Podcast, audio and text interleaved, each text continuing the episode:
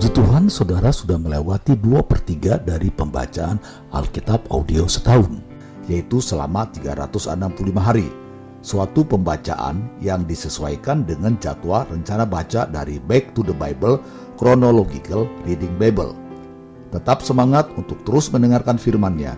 Tuhan Yesus memberkati. Inilah mendengarkan firman Tuhan hari ke-248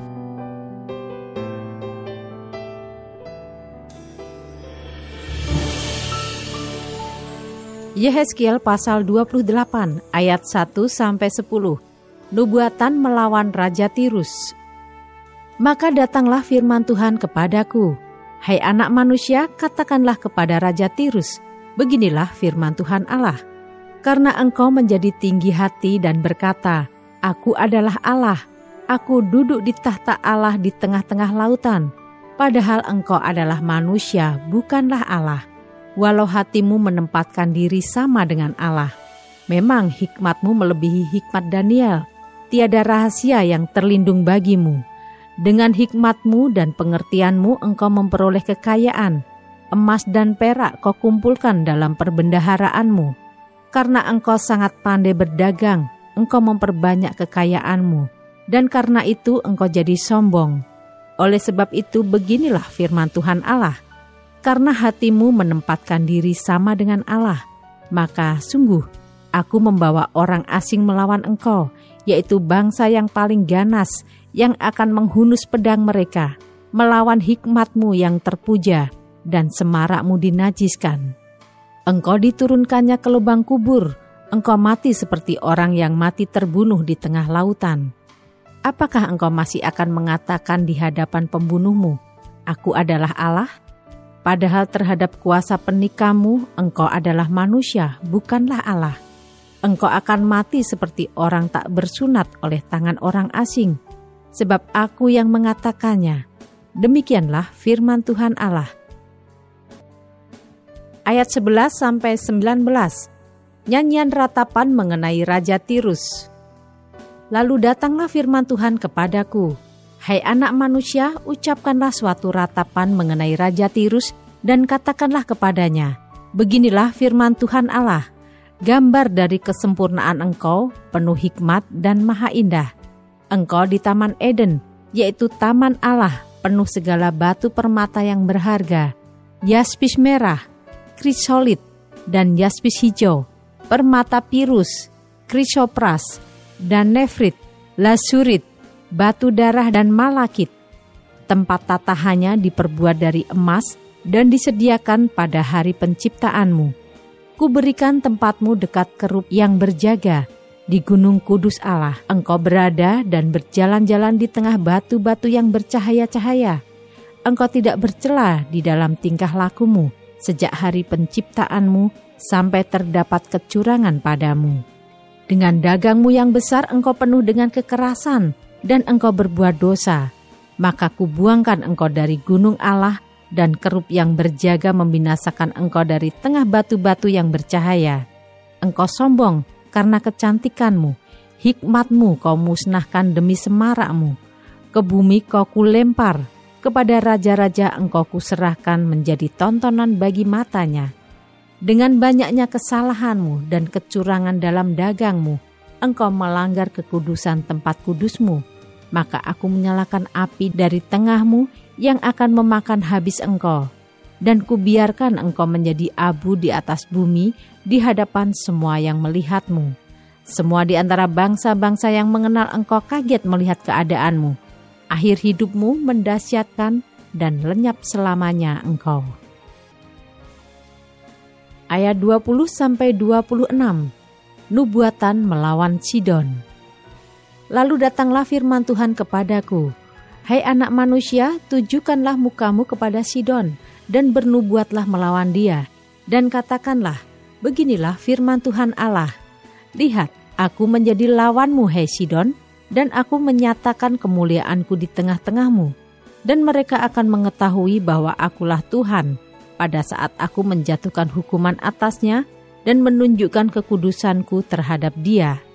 Aku akan mendatangkan sampar atasnya, dan darah akan mengalir di jalan-jalannya, dan orang-orang akan mati rebah di tengah-tengahnya, karena pedang yang datang dari sekitarnya melawan dia, dan mereka akan mengetahui bahwa akulah Tuhan, dan tidak akan ada lagi bagi kaum Israel dari semua tetangganya yang menghina mereka, menjadi duri yang menusuk atau onak yang memedihkan, dan mereka akan mengetahui bahwa akulah Tuhan Allah. Beginilah firman Tuhan Allah pada saat aku mengumpulkan kaum Israel dari tengah suku-suku bangsa di mana mereka berserak dan aku menunjukkan kekudusanku kepada mereka di hadapan bangsa-bangsa, maka mereka akan diam di tanah mereka yang telah kuberikan kepada hambaku Yakub. Mereka akan diam di sana dengan aman tentram.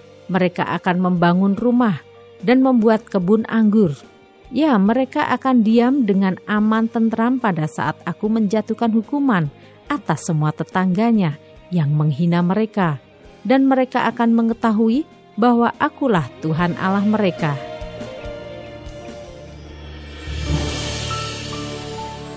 Yehezkiel pasal 29 ayat 1 sampai 16. Nubuatan melawan Mesir dan Firaun. Pada tahun ke-10 dalam bulan yang ke-10 pada tanggal 12 bulan itu, datanglah firman Tuhan kepadaku, Hai anak manusia, tujukanlah mukamu kepada Fir'aun, Raja Mesir, dan bernubuatlah melawan dia dan melawan seluruh Mesir. Berbicaralah dan katakan beginilah firman Tuhan Allah. Lihat, aku menjadi lawanmu, hai Fir'aun, Raja Mesir, buaya yang besar yang berbaring di tengah anak-anak sungaimu, yaitu Nil, dan yang berkata, Sungai Nil aku punya, aku yang membuatnya. Aku akan mengenakan kelikir pada rahangmu dan membuat ikan dari anak-anak sungaimu berlekatan pada sisimu. Aku akan mengangkat engkau dari tengah anak-anak sungaimu dengan segala ikannya yang berlekatan pada sisimu. Dan aku akan melemparkan engkau ke padang gurun. Ya, engkau dengan segala ikan anak-anak sungaimu engkau akan jatuh di padang dan tidak akan dipungut atau dikubur. Aku memberikan engkau menjadi makanan binatang-binatang liar dan burung-burung di udara. Dan semua penduduk Mesir akan mengetahui bahwa akulah Tuhan, oleh karena engkau ibarat tongkat bambu bagi kaum Israel. Pada saat mereka memegang engkau dengan tangan, engkau patah terkulai, dan engkau melukai bahu mereka semua.' Dan waktu mereka bertopang padamu, engkau patah dan engkau membuat mereka semua terhuyung-huyung. Oleh sebab itu beginilah firman Tuhan Allah. Sungguh, aku mendatangkan pedang atasmu dan melenyapkan manusia dan binatang daripadamu, sehingga tanah Mesir akan menjadi sunyi sepi dan menjadi reruntuhan, dan mereka akan mengetahui bahwa akulah Tuhan. Oleh karena engkau berkata, Sungai Nil aku punya, aku yang membuatnya. Maka sungguh aku menjadi lawanmu dan lawan anak-anak sungaimu, dan aku akan membuat tanah Mesir menjadi reruntuhan dan menjadi sunyi sepi, mulai dari Migdol sampai Siene, bahkan sampai perbatasan tanah Ethiopia. Tidak seorang pun manusia akan melintasinya, bahkan seekor binatang pun tidak dan tanah itu tidak akan didiami selama 40 tahun. Aku akan membuat tanah Mesir menjadi sunyi sepi di tengah negeri-negeri yang sudah dimusnahkan dan kota-kotanya akan menjadi sunyi sepi di tengah kota-kota yang diruntuhkan selama 40 tahun. Aku akan menyerakkan orang Mesir di antara bangsa-bangsa dan menghamburkannya ke semua negeri.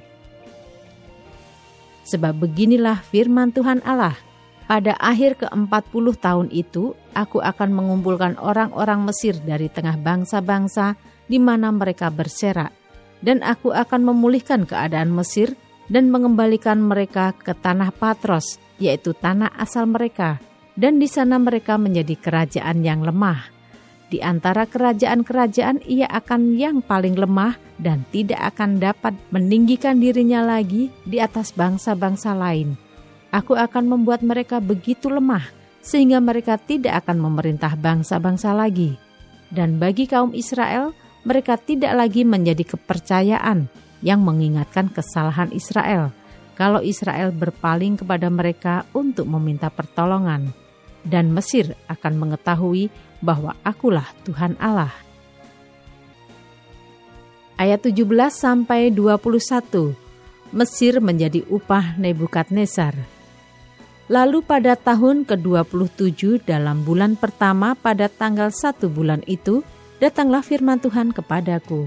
Hai anak manusia, Nebukadnezar Raja Babel menyuruh tentaranya bekerja keras melawan Tirus. Semua kepala sudah gundul dan semua bahu sudah lecet, tetapi baik ia maupun tentaranya tidak mendapat untung dari Tirus atas usaha yang dilakukannya melawan dia. Oleh sebab itu beginilah firman Tuhan Allah, Aku memberikan tanah Mesir kepada Nebukadnezar Raja Babel, dan ia akan mengangkut kekayaannya. Ia akan melakukan perampasan dan penjarahan, dan itulah upah bagi tentaranya. Aku akan memberikan kepadanya tanah Mesir sebagai pahala atas pekerjaan yang dilakukannya, sebab mereka sudah bekerja bagiku. Demikianlah firman Tuhan Allah. Pada hari itu, aku akan menumbuhkan tanduk bagi kaum Israel dan membuat engkau dapat berbicara lagi di tengah-tengah mereka, dan mereka akan mengetahui bahwa akulah Tuhan.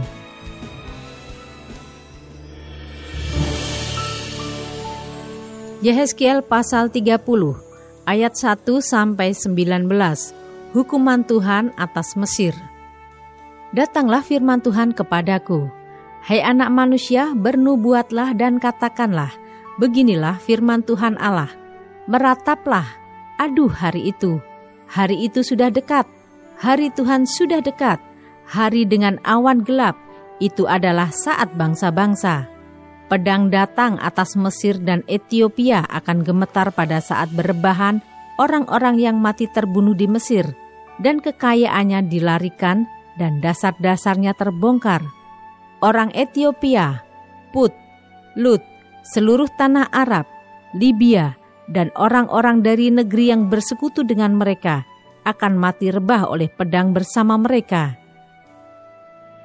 Beginilah firman Tuhan, orang-orang yang mendukung Mesir akan mati rebah, dan kecongkakan Mesir yang ditimbulkan kekuatannya akan patah. Dari Migdol sampai Siene, mereka mati rebah oleh pedang Demikianlah firman Tuhan Allah. Ia akan dimusnahkan di tengah negeri-negeri yang sudah sunyi sepi, dan kota-kotanya termasuk kota-kota yang sudah runtuh. Maka mereka akan mengetahui bahwa akulah Tuhan pada saat aku menimbulkan api di Mesir, sehingga semua orang yang membantunya dimusnahkan. Pada hari itu, utusan-utusanku akan berangkat dengan cepat-cepat untuk mengejutkan Ethiopia yang bersenang-senang dan mereka akan gentar pada hari penghukuman Mesir, sebab sungguh hari itu akan datang.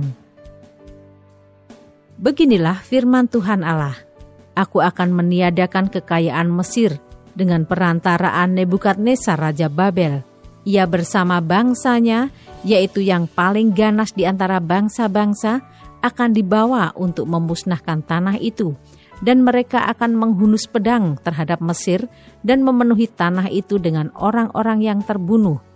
Aku akan mengeringkan anak-anak sungai Nil dan akan menyerahkan tanah itu dalam tangan orang-orang jahat dan memusnahkan tanah itu serta segala isinya dengan perantaraan orang-orang asing.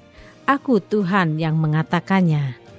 Beginilah firman Tuhan Allah – Aku akan membinasakan berhala-berhala dan meniadakan dewa-dewa dari Memphis, dan tidak akan ada lagi pemimpin di tanah Mesir, dan aku akan menimbulkan ketakutan di sana.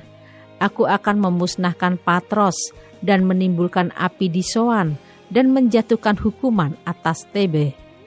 Aku akan mencurahkan amarahku atas Sin, benteng Mesir dan melenyapkan kekayaan Tebe Aku akan menimbulkan api di Mesir.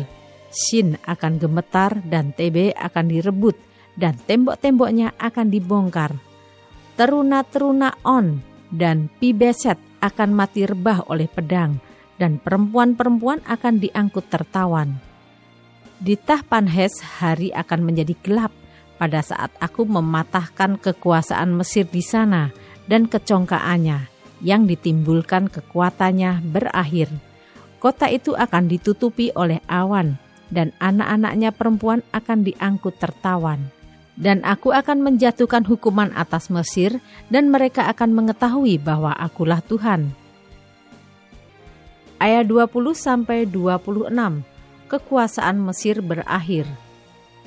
Pada tahun ke-11 dalam bulan pertama, pada tanggal tujuh bulan itu, datanglah firman Tuhan kepadaku. Hai anak manusia, aku telah mematahkan tangan kekuatan Fir'aun, Raja Mesir. Dan lihat, tangannya itu tidak dibalut supaya sembuh kembali. Tidak ada yang memasang pembalut supaya kuat kembali untuk mengacungkan pedang. Oleh sebab itu beginilah firman Tuhan Allah. Lihat, aku menjadi lawan Fir'aun, Raja Mesir, dan aku akan mematahkan tangannya, baik yang masih kuat maupun yang sudah patah dan aku akan menjatuhkan pedang dari tangannya.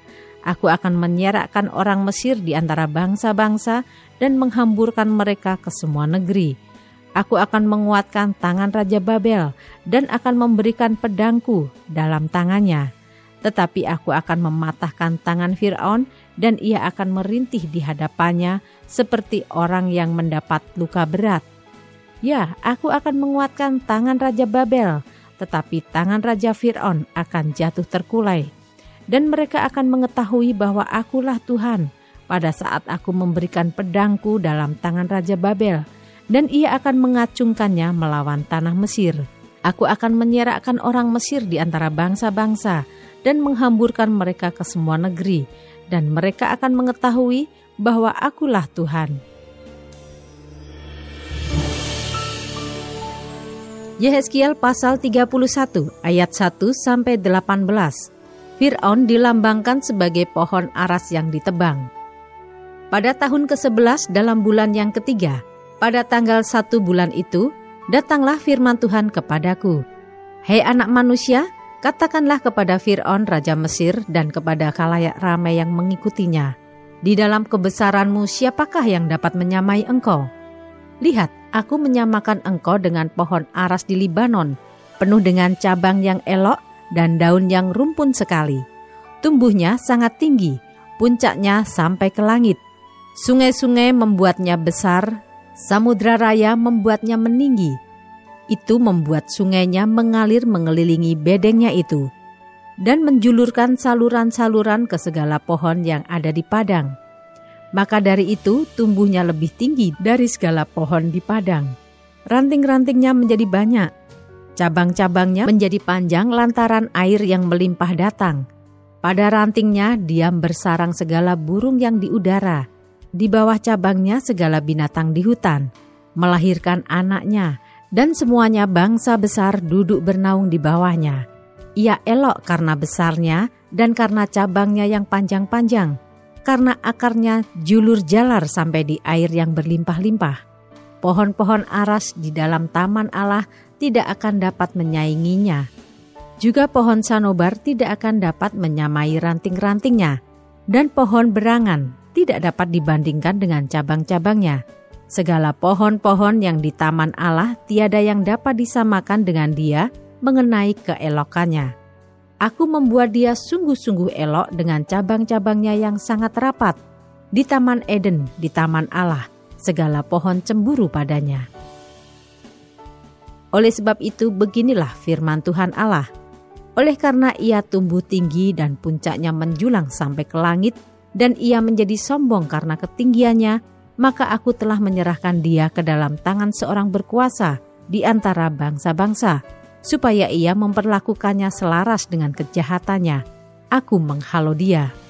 Orang-orang asing, yaitu yang paling ganas di antara bangsa-bangsa, akan menebang dia dan membiarkannya di atas gunung-gunung dan di semua lembah cabang-cabangnya berjatuhan, dan di semua alur sungai negeri itu ranting-rantingnya berpatahan, dan semua bangsa di bumi pergi lari dari naungannya dan membiarkan dia. Di atas batangnya yang roboh itu berhinggapan segala burung di udara, dan di antara cabang-cabangnya diam segala binatang di hutan. Semuanya ini terjadi supaya segala pohon yang di tepi air jangan meninggikan dirinya, dan puncaknya jangan dijulurkan sampai ke langit, dan supaya pohon-pohon besar, yaitu semua yang menghisap banyak air, jangan tetap berdiri di dalam kecongkaannya, sebab mereka semuanya telah diserahkan ke dalam maut, ke dalam bumi yang paling bawah, di tengah anak-anak manusia yang telah turun ke liang kubur. Beginilah firman Tuhan Allah. Pada hari ia turun ke dunia orang mati, aku membuat samudra raya berkabung karena dia. Aku mengempang sungai-sungainya, sehingga air banjirnya dibendung. Dan karena dia aku membuat gunung Libanon berpakaian kabung, dan membuat segala pohon di hutan layu lesu. Mendengar derum kejatuhannya aku membuat bangsa-bangsa gemetar, pada saat aku menurunkan dia ke dunia orang mati, menjumpai mereka yang telah turun ke liang kubur. Dan segala pohon Taman Eden akan merasa terhibur di bumi yang paling bawah, yaitu pohon yang terpilih dan yang terindah dari Libanon yang menghisap banyak air. Mereka juga turun bersama dia ke dunia orang mati, yaitu ke orang-orang yang mati terbunuh oleh pedang, dan mereka yang bernaung di bawahnya di tengah bangsa-bangsa mati juga. Maka dengan siapakah engkau dapat disamakan di antara pohon-pohon di Taman Eden dalam hal kemuliaan dan kebesaran.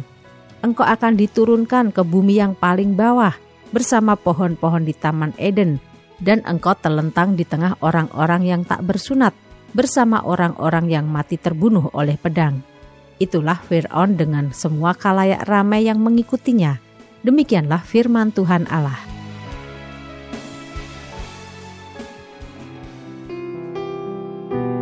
Tetap semangat, teruskanlah mendengarkan firman Tuhan. Sampai jumpa esok hari.